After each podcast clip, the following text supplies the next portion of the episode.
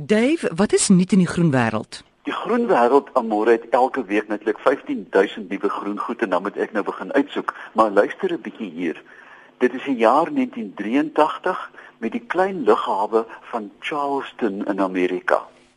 Hulle stoot met 'n stootskraper en 'n bondel bene kom uit die sand uit. Hulle bel die die museum, kom tel dit op. Hulle sê dit lyk nogal so iets na 'n voël en gee hom toe 'n voorlopige naam, Pelargarius sandersie en gooi dit in 'n boks. Kyk wetenskaplikes as hulle nie dadelik iets kan sê nie, gooi hulle mos goed in boks. ja. Tot vandag toe of tot verlede week lê die boks ergens in die museum. 'n Verveelde ou uh, paleontoloog gaan krap aan die ding. Dit is die grootste voorbeeld van 'n lewende voël wat nog ooit gekry het. Luister 'n bietjie hier. 'n Vlerkspan van tussen 6.1 en 7.4 meter. Sjoe. 25 miljoen jaar gelede het die ding al gevlieg volledig met vere. Dit is dubbel die vlerkwyte van die koninklike albatros, vandag se grootste nou se grootste vlerkspan. Hy het klein beentjies gehad, poeperige ou beentjies en hy het eintlik op 'n kraans gestaan, afgeklim en dan gesweef. Die dirasie amore het tande gehad, kan jy glo? Wat? Tande. Die voël het tande gehad.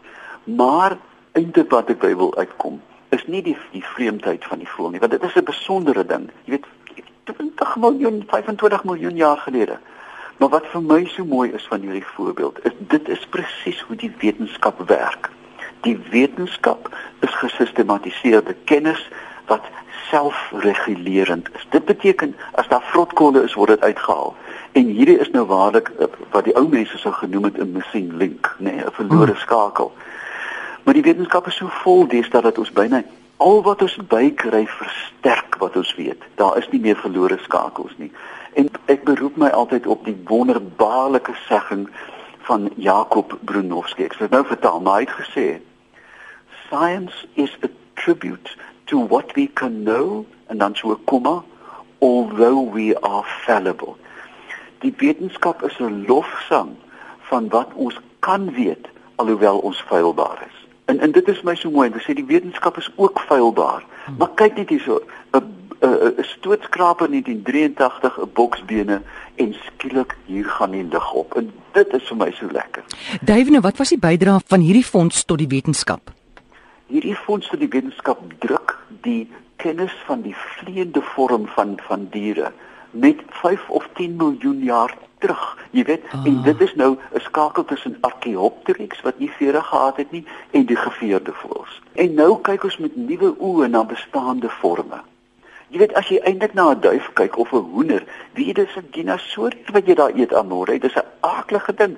Kyk net daai skubbe op die been. Né? Nee? Mm. Kyk na daai oogie, dis soos 'n akedus wat vir jou kyk. Dit verdiep die verwondering van wat ons weet. Ja. Dit is wonderlik, is dit nie? Dit is. Maar dan 'n bietjie van 'n donker storie, letterlik.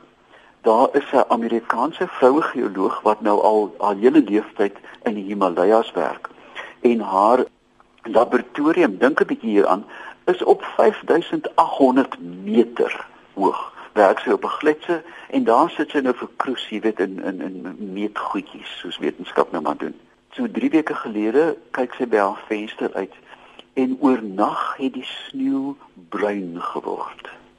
Ja. Sy skrik dan natuurlik al melk weg en uh, gaan haal 'n mikroskoop. Dit is stof en dit is dieselbrandstofpartikels wat getrek het van Europa af Amore na ja. die sneeu van die Himalajas. Wat beteken dit? Die sneeu het 'n nuwe kombers op, 'n donker kombers, 'n swart pot wat hitte trek. Daar is 'n baie interessante effek van van weerkaatsing en hulle noem dit die albedo effek. Met ander woorde, jy kan meet hoeveel lig teruggekaats word van sneeu of ys. Met sy nuwe kombers van mensgemaakte roet word hierdie effek belemmer en, en, en hier is die implikasie. Haar berekening wys dat net in Antarktika alleen in 1 jaar 27 miljard ton meer water gaan smelt. Al wat ons kan leer is dat die besoedeling wat ons ter plaatse doen bly nie daar nie amore dit trek om die hmm. aarde Dit sê vir ons die aarde is gekonnekteer met mekaar en ons doen nooit iets in isolasie. Mm. Ons moet dit in gedagte hou. Met jou karretjie wat jy supermark toe ry, belemmer jy dalk 'n mosplantjie in die Amazone. Maar dit raak net te filosofies. Goeie nuus. Ek wil afsluit aan môre met 'n nuwe idee wat ek graag op jou wil toets en ook op die luisteraars. En dit is Jy weet, nou ek nou sê ek nou vir jou, daar het nou 'n nuwe bos in Amerika en dit is goed vir aanbye. Wat ook al. Môre ek kry 800 000 e-pos en sê, "Waar kan ek die aanbye bosie kry?" Ek wil graag voorstel, ek het 'n nuwe webwerf gestig. Dis Dave Peppler, nie David Peppler nie. En wat ek nou gaan doen en kom ons toets dit, na elke program gaan ek al die skakels na my praatjie daar neersit. Dan kan enige iemand gaan kyk en oplees en ophou vir my pla oor aanbybossies. Dink jy die plan kan werk? Wonderlike plan. So dis 'n webtuiste Dave Peppler, né? Nee? Ja. Goed. Dankie Dave. Sterkte daar in Appington. OK. OK. Goed gaan. Goed, dankie. Bye.